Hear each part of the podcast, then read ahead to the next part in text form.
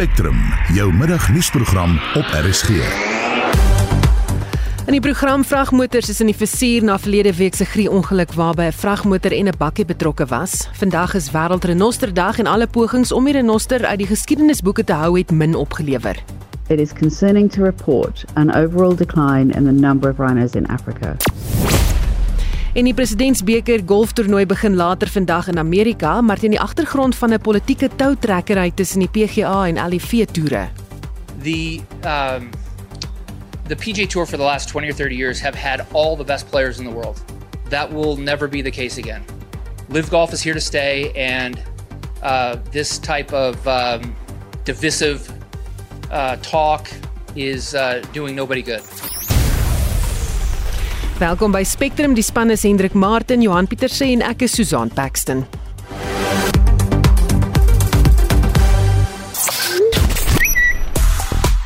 Daar is groot afwagting vir Casper Nieuwest se nuwe album en die enkelsnit Pardon My Arrogance oorheers gesprekke op Twitter. Dit gons ook oor die Amerikaanse aktrise Nia Long wat glo deur haar lewensmaat Ime Udoka van die Boston Celtics verneek is. Goed, en ons gesels oor die matriek eindeksamen en dit begin oor 40 dae en die groep leerdlinge is tans besig met die rekordeksamen te midde van beerdkrag. Daar's leerdlinge wat angs en stres ervaar in aanloop tot die belangrike eksamen. Wat is jou wenke aan matrikulante om hulle stres te verminder en hulle self voor te berei? Indien jy 'n kind in matriek het, is hy of sy gereed vir die nasionale senior sertifikaat eksamen en hoe beïnvloed beerdkrag jou kind se voorbereidings? Klomp dinge wat jy in gedagte moet hou in hierdie tydperk. Deel jou mening deur 'n SMS te stuur na 45889 teen R1.50 per boodskap of praat saam op die Monitor en Spectrum Facebook bladsy. Jy kan ook vir ons 'n stemnota stuur na 076 536 6961. Nou 8 minute oor 12 jy luister na Spectrum en die DA staan bankvas agter sy hoofsweep Sivuwe Gwarube wanneer sy vanmiddag 'n mosie ter tafel lê vir die aanstelling van 'n ad hoc komitee om die beweringe oor president Cyril Ramaphosa en die Palapala saak te ondersoek. Die debat vind vandag in die parlement plaas en Gwarube gaan ook steun onder die ANC probeer werf. Gwarube sê die DA vra al herhaaldelik vir 'n ad hoc komitee. This afternoon we have uh used our opportunity in Parliament to bring the matter to the floor of Parliament. We think that it is simply not good enough for Parliament to fold its hands and say that uh, the criminal justice system is dealing with this matter. As the legislature in the country, as a separate arm of state, we should be in the forefront of getting to the bottom of this. We should be asking the questions. We should be summoning ministers, summoning state institutions, so that we can do what is expected of us, so that we can can really hold government to account. And we really hope that other political parties will support us in terms of voting for the House to establish an ad hoc committee. Goed, ons bly by die storie en praat nou met die politieke ontleder van die NISA professor Dirk Kotse. Goeiemôre Dirk. Goeiemôre Susan. Wat dink jy van die DEA se mosie? Is 'n ad hoc komitee nodig terwyl 'n onafhanklike paneel reeds aangewys is? Ja, ek dink dis deel van die die frustrasie wat daar by die DA bestaan is die feit dat daar ehm um, inisiatiewe plaasgevind het buite hulle bereik Ehm um, want byvoorbeeld die die mosie wat aan die uh, speaker voorgeles is deur die ITM die African Transformation Movement gedoen.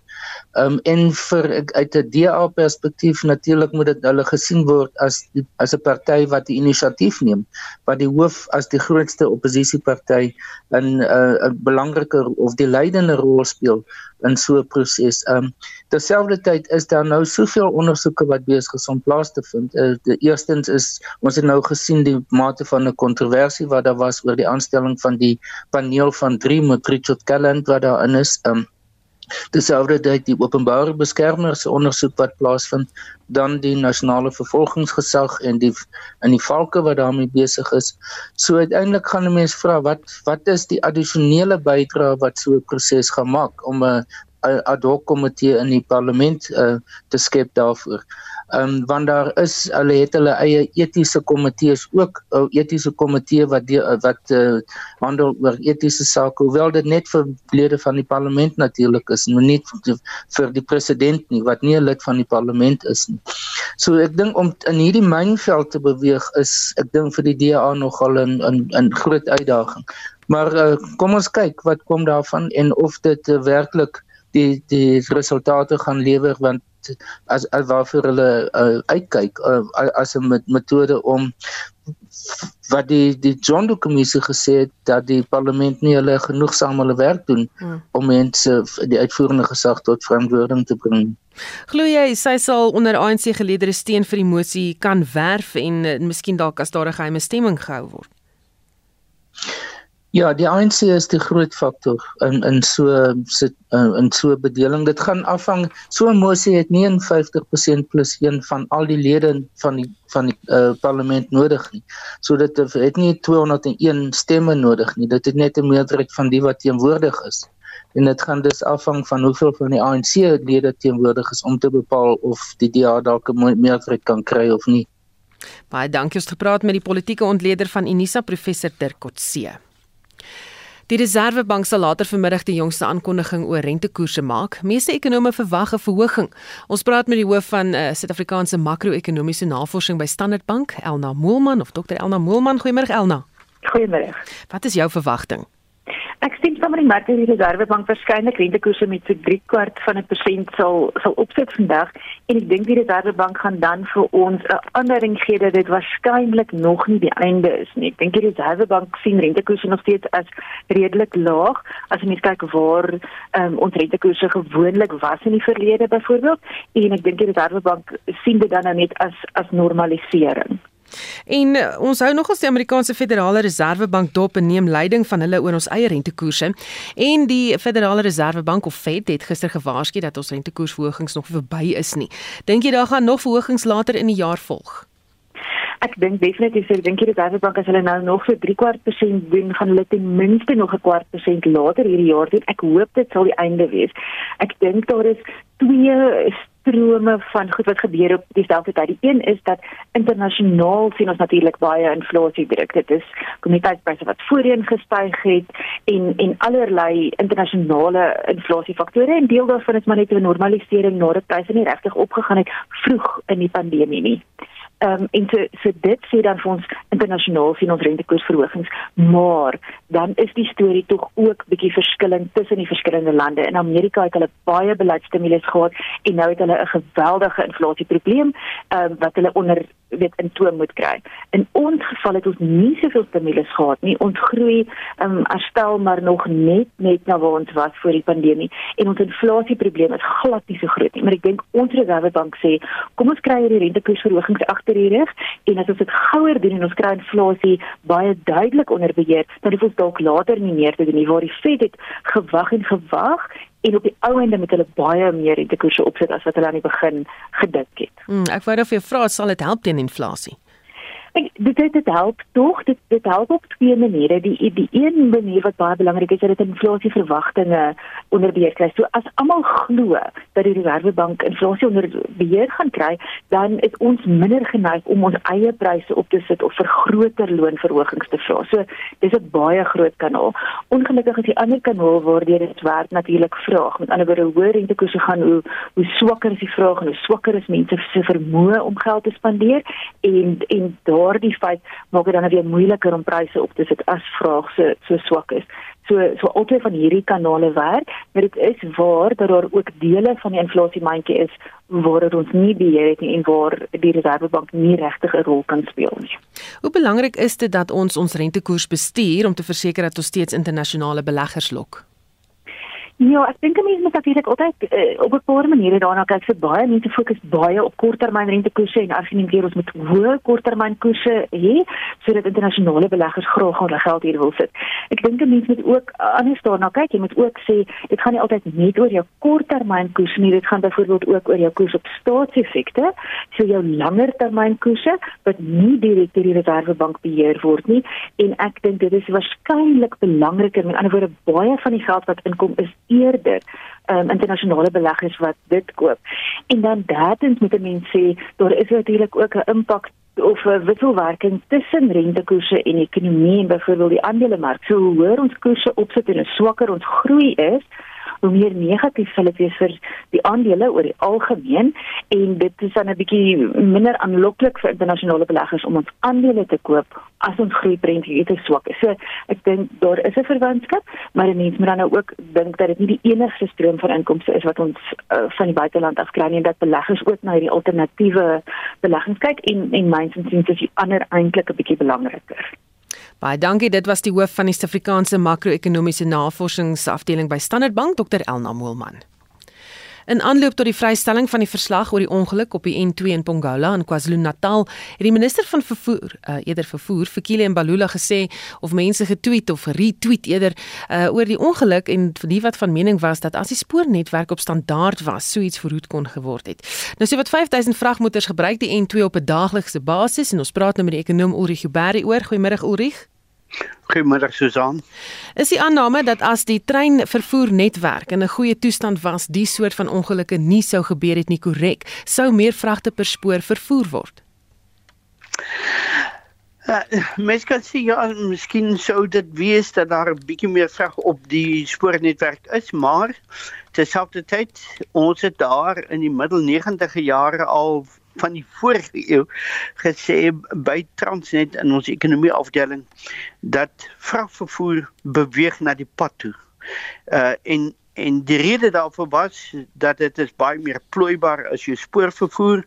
Die ander ding wat ook 'n rol speel in Suid-Afrika is die hele kwessie van misdaad. So hoe minder jy produkte hoef te beweeg ter hanteer, hoe beter is dit. So as jy 'n vragmotor het wat van Durban hawe direk na die fabriek in sê nou maar Olifantsfontein ry, dan is dit veiliger as om dit eers in KwaZulu af te laai en dan weer op 'n vragmotor na Olifantsfontein te vervoer.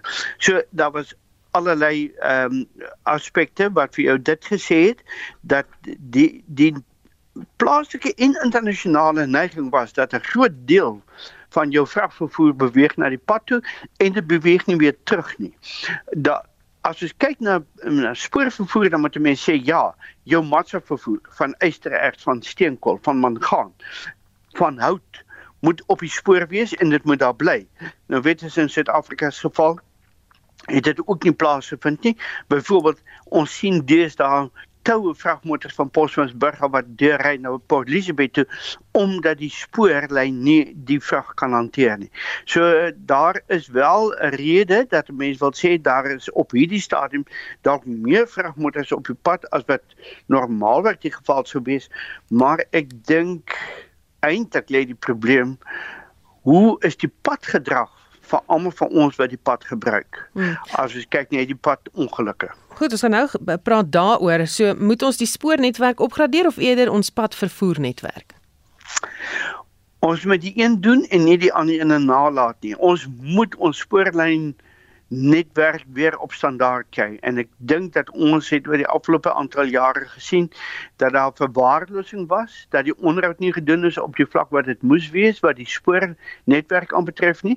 Maar terselfdertyd moet 'n mens gaan kyk na die padnetwerk en sê maar die padnetwerk moet ook ontwikkel word en moet in ag neem dat die volume van padvervoer gaan heel moontlik groter word. As jy mens maar net kyk na die aantal vragmotors wat van Kaapstad af sien om tot in Bloemfontein ry, dan moet mense eintlik sê maar is die pad wat on, padnetwerk wat ons op die oomblik het, hier deur die Karoo byvoorbeeld, is dit voldoende om die volume van vragmotorverkeer en gewone verkeer te kan hanteer. En dan dink ek moet ons uh, owerhede regtig gaan kyk na die opgradering ook van ons padnetwerk.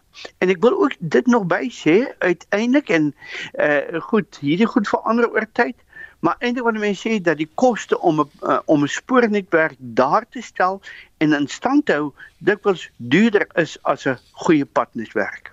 Goed, maar doen ons dit sal dit mense se bestuursvinde verbeter. nee. Uh maar ek dink net uh die die die padnetwerk meer veilig te maak. Dit wil sê in plaas daarvan dat ouens nou my hierdie lang tou vragmotors probeer verbysteek uh op 'n sperstreep uh as jy dubbelpad het dan verlig jy daai soort van druk op hierdie bestuurders wat baie keer vreeslik ongeduldig raak. En uiteindelik dink ek dat ons moet ook regtig aandag gee aan die opvoeding van ons padgebruikers om regtig patriots te uh, te ja, uh, te konsidereer ja, mm. ja, te handhaaf wanneer hulle op die pad is. En die probleem wat ek daarmee het is dat as 'n ou nie agslaan op die pad verkeer reëls nie en ek is ongelukkig in sy pad, wat wat gebeur dan met my as 'n onskuldige verbruiker van die pad? So uiteindelik moet 'n mens daai verantwoordelikheid dink ek ook by ons padgebruikers daar stel en sê maar wees asseblief versigtig en natuurlik wees wees wakker as jy op die pad is.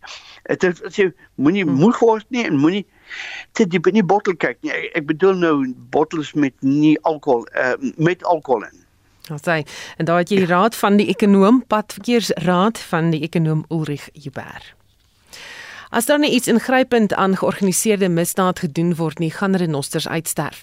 Vandag is wêreld renosterdag en as deel van bewusmaking op die dag vind daar 'n spesiale webinar plaas in Den Haag wat aangebied word deur die Wildlife Justice Commission wat daar gebaseer is. Die Wêreld Natuurlewe Fonds se Dr. Joe Shaw wat ook aan die webinar deelneem sê dis duidelik dat die renoster bevolkingsgetalle veral in nasionale parke steeds vinnig daal. On World Rhino Day 2022, it is concerning to report an overall decline in the number of rhinos in Africa, from 23,562 at the end of 2017 to 22,317 at the end of 2021. Overall, African rhino numbers declined by 1.6% per year across the continent. These declines predominantly occurred the large state managed protected areas in South Africa. Shaw sê egter daar is 'n bietjie goeie nuus. However, the overall rate of poaching is declining and numbers of the more critically endangered black rhino have increased from 5,495 at the end of 2017 to 6,195 at the end of 2021. And this news is encouraging as it underscores the value of creating new habitat and growing numbers of rhinos and the need to continue to commit to these efforts in future. Transnational organized crime networks and the corruption they create continues to threaten rhinos. These networks are a risk to the safety and security of wildlife, but also the people living around them and working to conserve them. We know these challenges are global in nature, and transnational collaboration and cooperation is required to overcome them. Such has been proven through multi agency wildlife crime units. We must continue targeted efforts to build resilience to corruption and to address the problem at source in the form of illegal demand for rhino horn. As a high value criminal commodity, illicit trade in rhino horns is showing no sign of abating. The threat must be addressed as a crime crisis rather than just a conservation crisis. En dit was die Wêreld Natuurlewe Fonds eh, se Dr. Joe Shaw. Die Kaapse Sakekamer sê sakeondernemings wat surplus elektrisiteitsopwekkingskapasiteit het, moet kragte saamsnoer om beerdkrag die hoof te bied. Die president van die Kamer, Jacques Moelman, sê beerdkrag op fases 5 en 6 het 'n groot impak op die sakesektor. Daar's direkte en indirekte gevolge van beerdkrag op besigheid. Maar van die grootste probleme is verseker verlore produktiwiteit en produksietyd. Jy weet wanneer besighede en fabrieke onverwags of onbeplan moet sluit omdat daar nie krag is om kritieke take te verrig nie. Nie almal het kragopwekkers om produksie aan die gang te hou nie en sommige kragopwekkers is nie groot genoeg om projekte of aandag aan die gang te hou nie. 'n Voorbeeld is die bootbousektor hier in die Kaap wat luxe catamarans bou en tans die tweede grootste in die wêreld naas Frankryk is. Moet nou kompeteer teen mededingers reg oor die wêreld en ons ouens moet in sommige gevalle tot 9 uur per dag se beurtkrag hanteer. Die industrie doen ongelooflik goed die laaste paar jaar en bied groot hoeveelhede werksgeleenthede wat ons nou terloops juis in hierdie tyd brood nodig het en dit word in die wiele gery. In gevalle waar daar wel kragopwekkers is, is dit geweldig duur as gevolg van die huidige dieselprys. Besighede het die verskriklike keuse om te kies tussen verlore produksietyd deur nie kragopwekkers te hê nie of om kragopwekkers teen 'n hoë koste aan te koop en dan 'n massiewe dieselrekening te moet betaal. Is die Kaap in 'n beter posisie om dit te hanteer? Die Kaap is verseker in 'n beter posisie as die ander provinsies in Suid-Afrika. In Kaapstad probeer die stad om sy kliënte te beskerm deur sy steenbras hidropomp opbergingsskema. Stad Kaapstad kan verbruikers tot en met 2 beerdkrag vlakke beskerm wat neerkom op 'n massiewe besparing in terme van produksietyd en dieselverbruik vir besighede met kragopwekkers. Syfers wat deur die Wes-Kaapse provinsiale regering vrygestel is, dui daarop dat elke opeenvolgende beurtkragfase sowat 500 miljoen rand kos. Dis is die besparing van die twee fases 'n groot bonus vir die stad se ekonomie en ook vir die provinsie as geheel. Wat doen die sake sektor om te oorleef? Ongelukkig moet besigheid aanpas by die huidige uitdagings. En op die kort termyn sou dit beteken dat daar in kragopwekkers en omskakelaars vir batteryberging belê moet word. Dit kom natuurlik teen 'n hoë koste.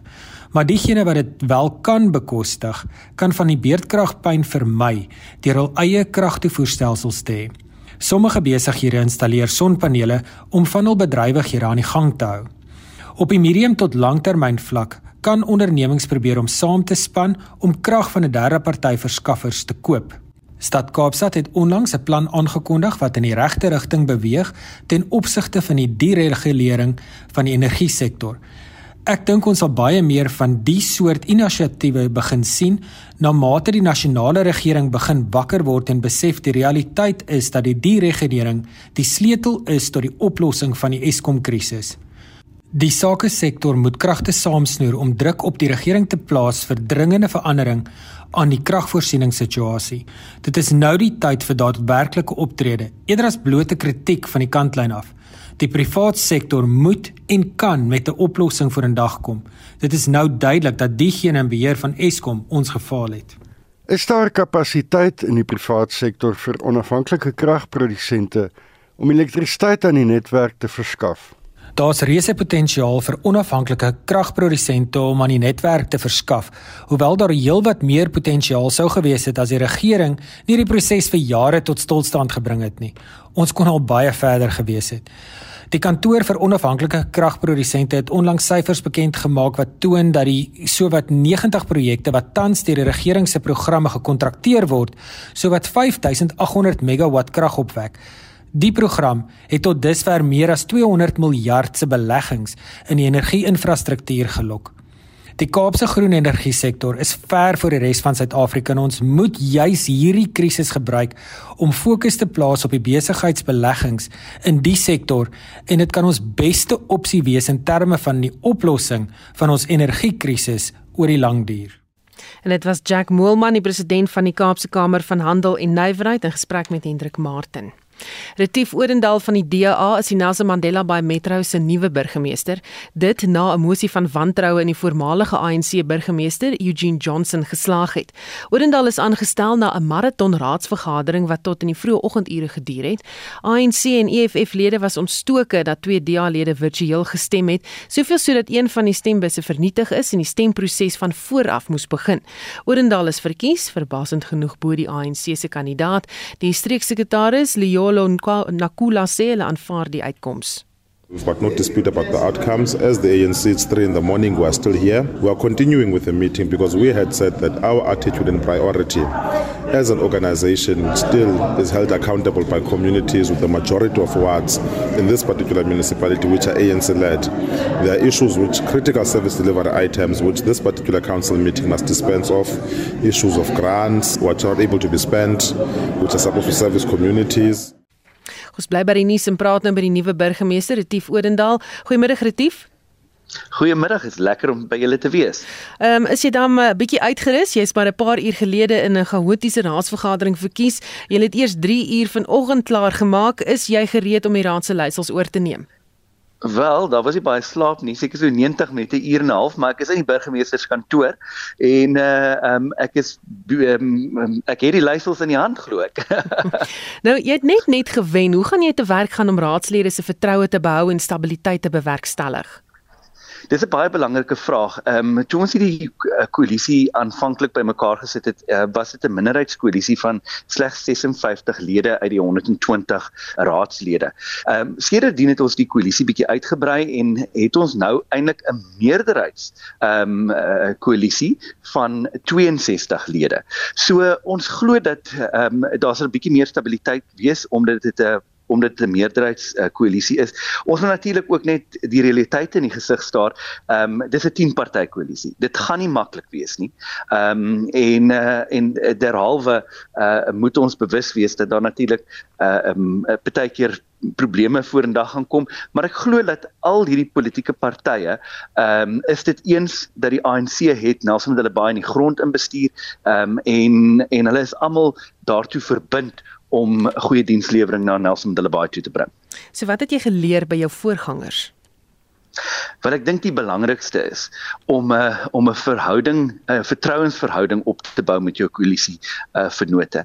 Die um, ANC het hulle vertrouensverhouding met die uh met hulle koalisie vennote totaal al vernietig oor die afgelope paar maande en uh, dis belangrik om oop kaarte te speel om selfs ongemaklike gesprekke te hê en probleme te probeer oplos. Dit nie onder die mat te probeer invee um en probeer om jou koalisie vennote um om die bos te lei nie. Dis baie belangrik dat jy uh, daai vertrouensverhouding bou en dat mense mekaar kan uh, kan kan vertrou en ek dink as 'n mens uh, daarby kan begin behoort jy alreeds uh, ver te kan vorder.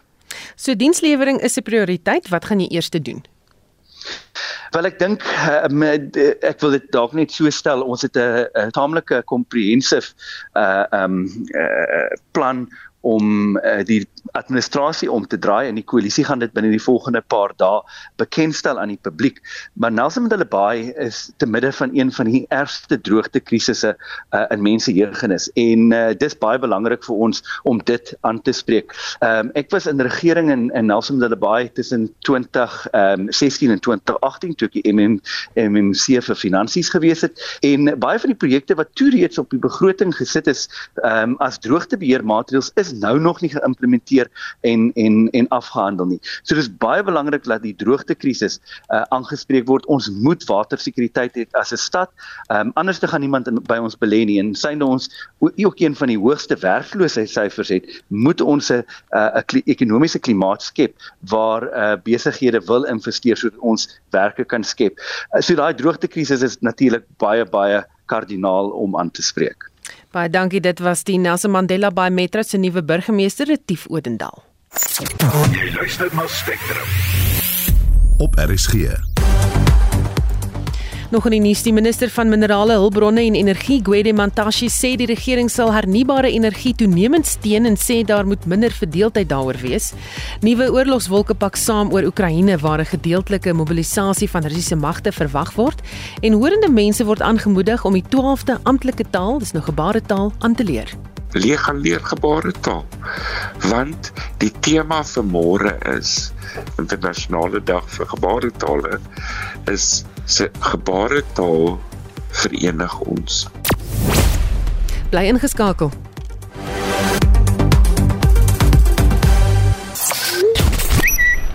Op Twitter is daar weer 'n fokus op HIV vigs nadat oud-president Thabo Mbeki hom oor sy besluite tydens die pandemie uitgelaat het. Fed up with load shedding is al duisende kere getweet waar Suid-Afrikaners galbraak oor Eskom.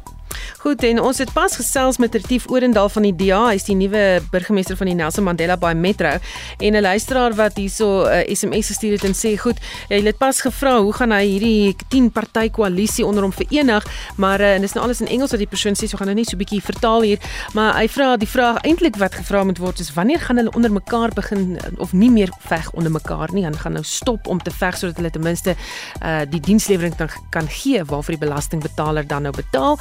En nog 'n luisteraar, dis Shaal Heidenrich wat sê en dis nou 'n aanleiding van die storie oor die vragmotors en die padvervoer netwerk. Hy's van mening die padvervoer betaal nie volledig vir die padinfrastruktuur nie en dit is hoekom daar soveel vragmotors op die pad is en dan sê hy het 'n voorstel vir koop renosterhorings om probleem of hierdie probleem op te los. Dis nie ekonomies om renosters op te pas nie.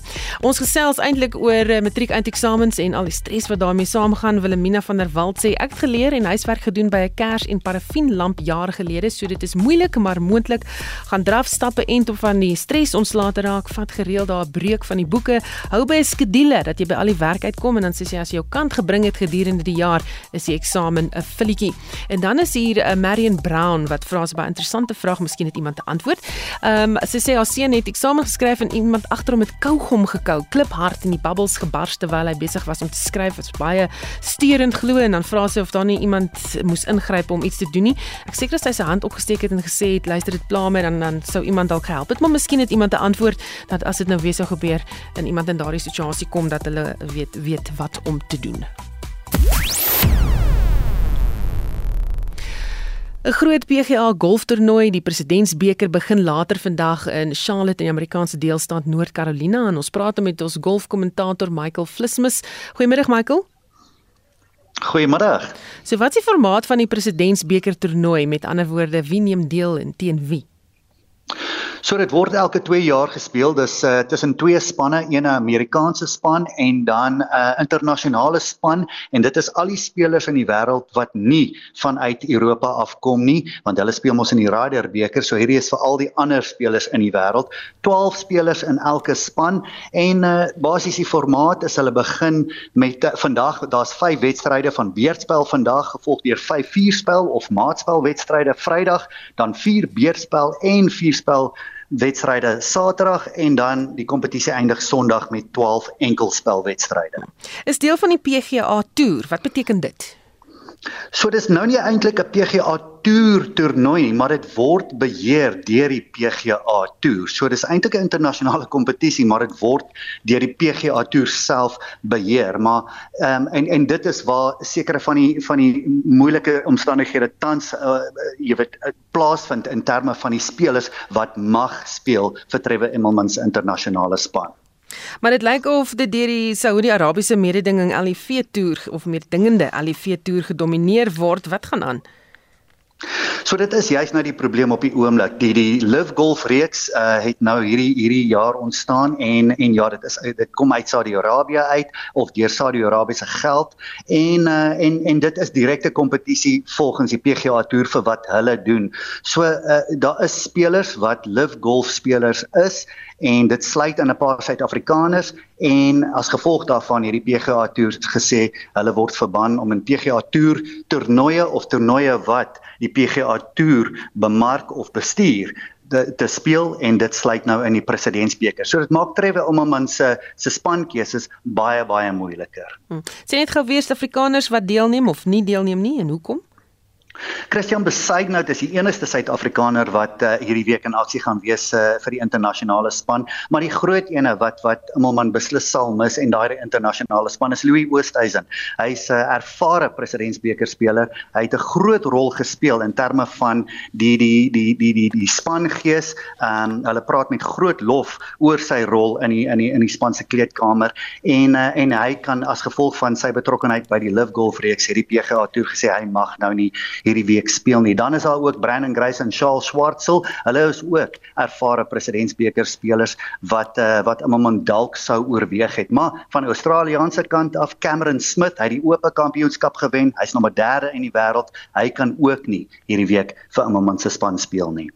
Baie dankie. Dit was die golfkommentator Michael Flismus.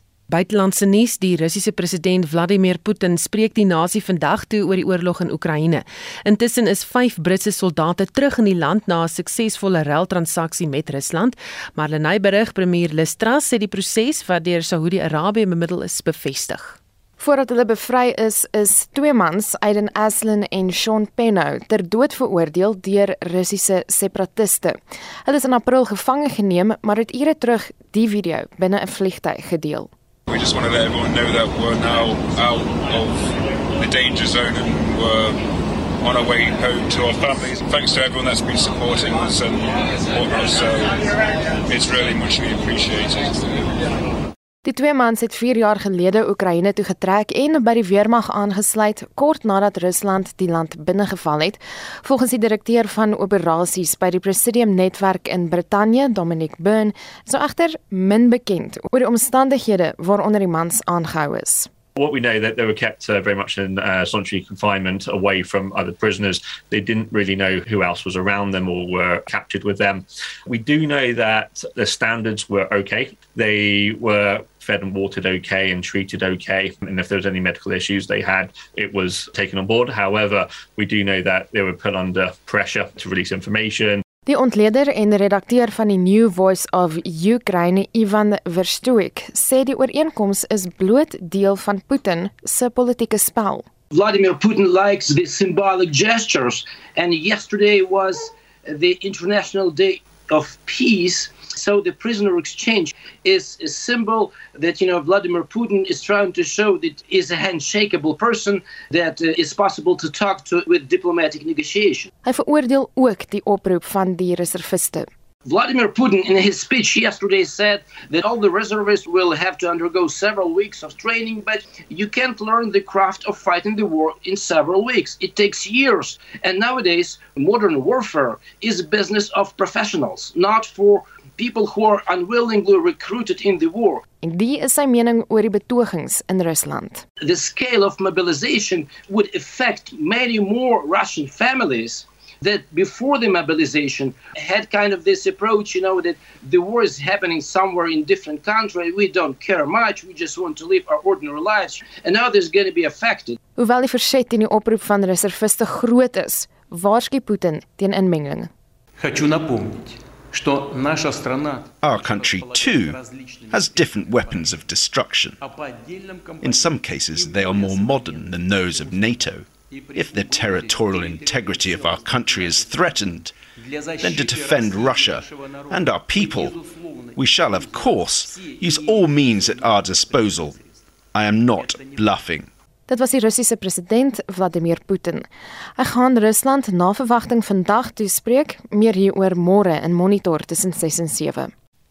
Ons bly by die onderwerp en praat met 'n politieke ontleder aan Universiteit Pretoria, Roland Henwood. Goeiemiddag Roland.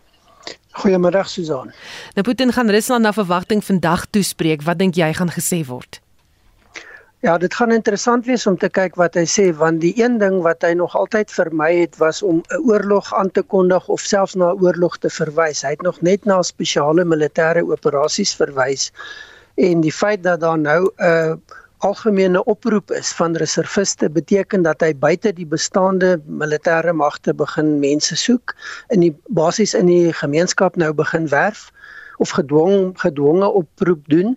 En dan gaan hy moet aankondig waarom. So hy gaan waarskynlik op 'n manier nou die oorlog aankondig. Mense sal moet sien of hy dit direk gaan doen en dan of hy dit gaan aankondig omdat Rusland se veiligheid kwansies bedryf word of wat is dit wat hy gaan gebruik as die as die regverdiging. En dan wat is die ander maatreëls wat saam met dit gaan want dit impliseer onmiddellik 'n baie groot toename in koste in ekonomiese ontwrigting, die impak wat dit op mense gaan hê. Ons het reeds um, gesien dat daar 'n baie groot toename in betogings teen die oorlog en die oproep van mense is. So die toespraak gaan baie belangrik wees en dan gaan 'n mens moet kyk wat is die kontras tussen wat hy na buite aangekondig en wat hy binne in Rusland gaan sê want hy het 'n redelik onversetlike en 'n um, harde houding ingeneem in die toespraak wat hy gister gemaak het. Hmm. Dit dit gaan interessant wees om te sien of hy dit intern doen heel waarskynlik want hy regeer nou met vrees. Hy regeer nie meer met oortuiging nie. Daar's heelwat teenkanting internasionaal en in Rusland self teen die oproep van 300 000 weermagreserviste of eerder burgermaglede. Wat kan ons hierin lees? Dat hy redelik desperaat raak. Die oorlog gaan nie goed in die Oekraïne nie. Die tipe werwingsmaatreëls wat tot dusver gebruik is, huursoldate, ehm um, mense wat uit die gevangenis vrygelaat is op voorwaarde dat hulle vir 6 maande gaan veg en dan die bestaande magte wat hy gebruik het, onder andere dienspligtiges wat hy aan die begin gesê het sal nie gebeur nie. Dis nie goed genoeg nie. Dit lewer geen resultate nie en hy moet nou begin terugval op waarskynlik meer ervare mense wat in Sirië waarskynlik diens gedoen het en in ander konflikte waar die Russe betrokke was. So die die noem dit maar die informele maatreëls buite om die formele prosesse het nie gewerk nie. Die ander belangrike konteks hier is natuurlik die buitelandse een. Dis baie duidelik dat die um, beraad van verlede week waar China en Indië hulle uitgespreek het teen Rusland en teen wat Putin doen duidelik om onder druk plaas en hy moet nou waal gooi want nie net is sy leierskap en sy aansien op die spel nie, maar sy bondgenootskappe kom nou onder druk. As Indië begin wegstaan van hom af hieroor, gaan dit enorme probleme skep en dit gaan die druk op China nogal interessant baie verhoog. Hmm. So so dit is 'n baie moeilike tyd vir Putin. Ehm um, sy aansien as leier nie net binne Rusland nie, is definitief op die spel. Die VN Algemene Vergadering word hierdeur oorheers. Wat staan hierdie organisasie te doen en het dit hoegenaamd mag of 'n sê in hierdie gebeure? Dit gaan moeilik vir die VN wees om op te tree vir die eenvoudige rede dat Putin het 'n veto in die veiligheidsraad waar hierdie tipe sake hanteer word. So hy kan alles blok. En dan ook is daar alhoewel daar baie groot steun vir Oekraïne en vir Zelensky is, is dit ook duidelik dat daar steun vir Putin is. Um, ons weet dat lande soos Suid-Afrika weier om teen Rusland te stem. Hulle is bly buite stemming en dan is daar 'n klein groepie wat vir hom stem. Maar die simboliese waarde is belangrik, die druk wat toegepas word is belangrik en dan is daar alreeds opgetree teen Rusland, beëindiging van lidmaatskap aan sekere komitees en dit is iets wat die wat Putin nie gereedelik aanvaar nie. Dis vir hom 'n groot belediging en 'n terugslag. So dit gaan nie onmiddellik alles verander nie, maar dit kan ook bydra tot 'n konteks en 'n gesindheidsverandering teen Putin wat waarskynlik nie goed gaan afgaan by hom nie, maar wat 'n bepaalde boodskap aan hom oordra. En dan kernwapens. Um, hy het juis gewaarsku dat hy nie groot praat nie. Wat dink jy gaan hier gebeur? Ek dink op die stadium is dit blote dreigemente. Dit is 'n bietjie van 'n afdreigingsstrategie want hy weet daar gaan groot sensitiwiteit wees.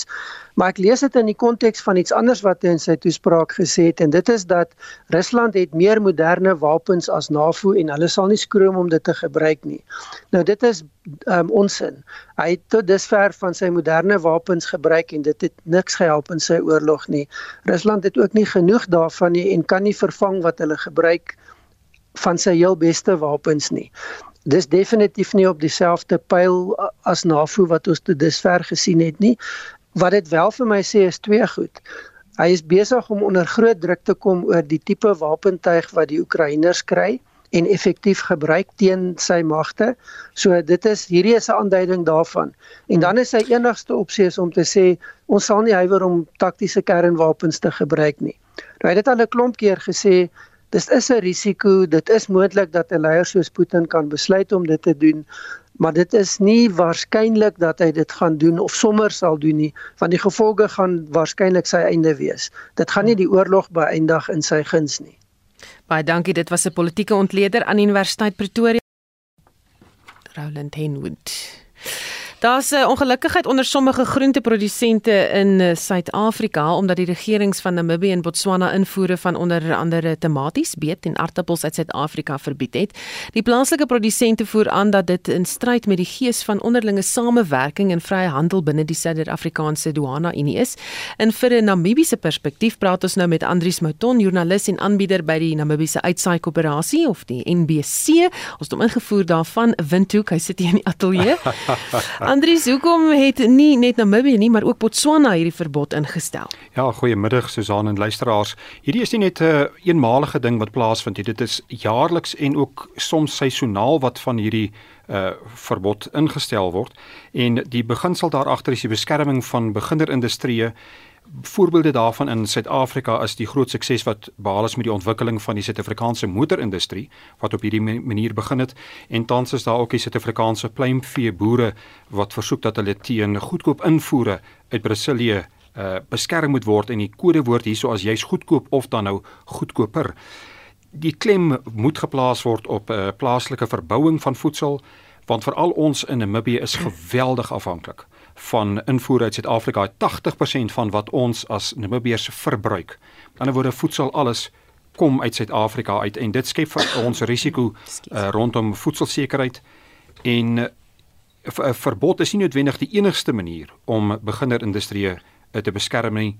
Daar's ook byvoorbeeld heffings, maar heffings skep ook eie soortige probleme want dit is 'n inkomste vir die staat en aangesien die staat dit dan nou as 'n inkomste later aan begin reken en hierdie beginnerindustrie nie noodwendig meer beginnerindustrie is nie, eh, gaan die staat nie noodwendig afstand doen van hierdie uh uh inkomste wat hulle op hierdie manier uh, dan nou uh, verdien nie en dit lei daartoe dat die uh, uh verbruiker eintlik op die ou en meer moet betaal daarvoor.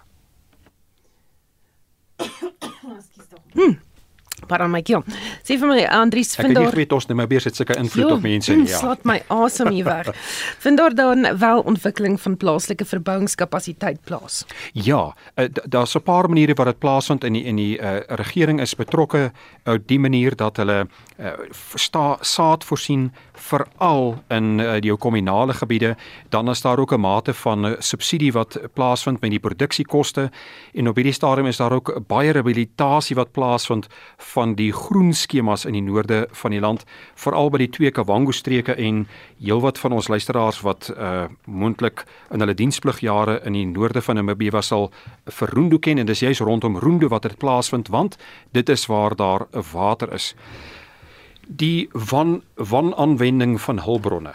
Eh, is ek eh, hoor ek nie in Suid-Afrika 'n probleem nie net daar by ons in Namibië want dit veroorsaak verborsing en ook die beskikbaarheid van grond uh wat jy dan nou in hierdie kominale gebiede moet verkry vir die verbouing van voedsel rompslomp rondom oor toestemming te kry by stamowerhede dit veroorsaak ook baie omslagtigheid. Een van die goeie stukkies nuus is daar dat daar nou tenders uitgegee word om van hierdie groen skemas weer van nuuts af te ontwikkel en die kodewoord mos deesdae as nou hierdie uh openbare sektor en privaat sektor samewerkingsooreenkomste en vennootskappe wat aangegaan moet word.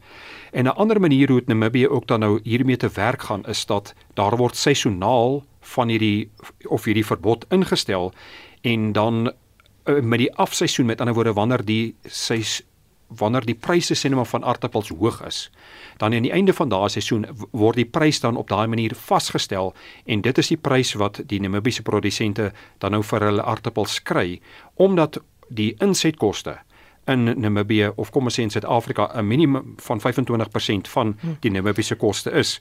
So dan kry die Suid-Afrikaan of dan kry die Namibiese produsente daarom die subsidie in die vorm dat hulle 'n uh, uh, hoër inkomste uh, kan verdien vir hulle produkte. Vind daar wel invoere van groente uit Namibië na Suid-Afrika plaas en verswak dit nie die argument om invoere uit Suid-Afrika te stop nie.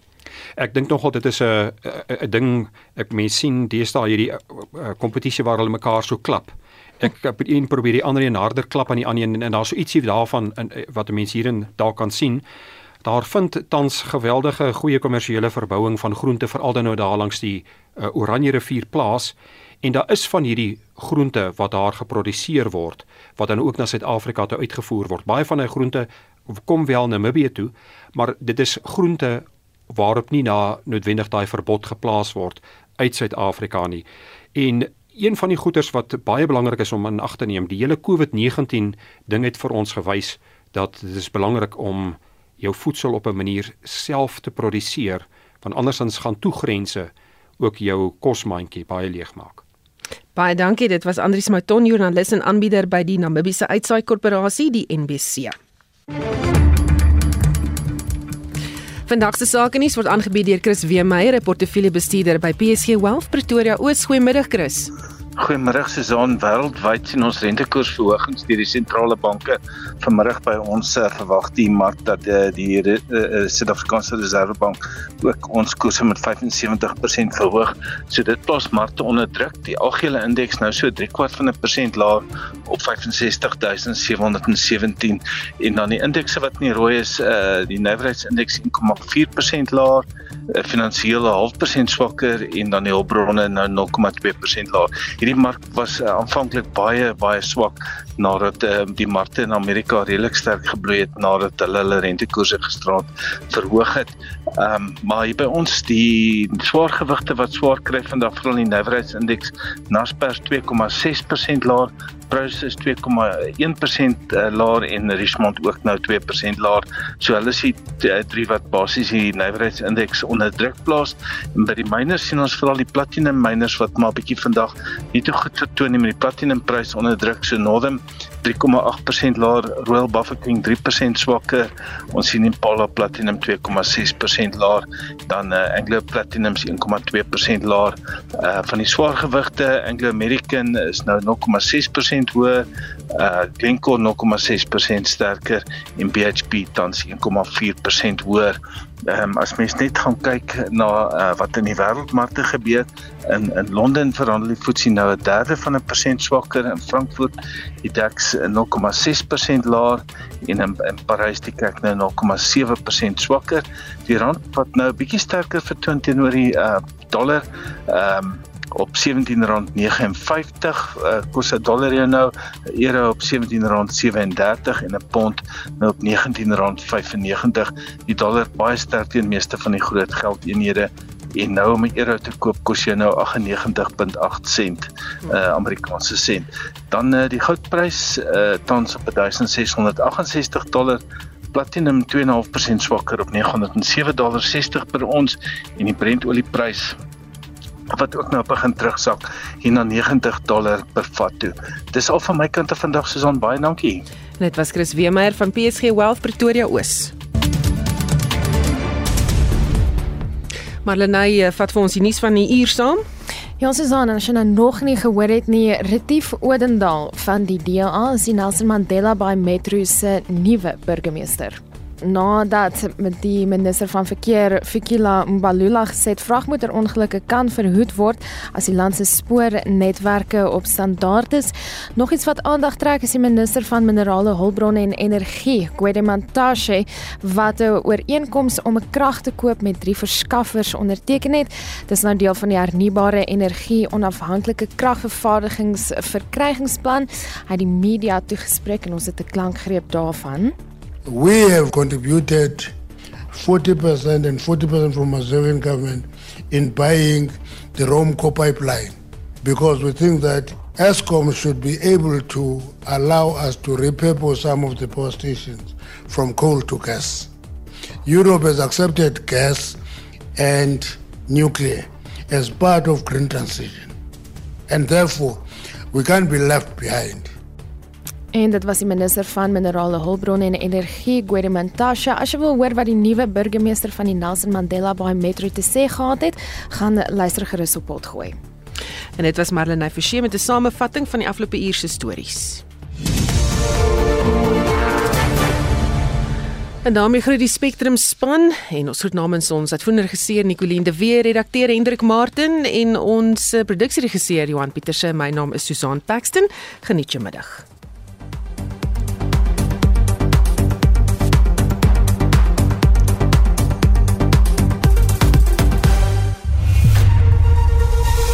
SAK nuus.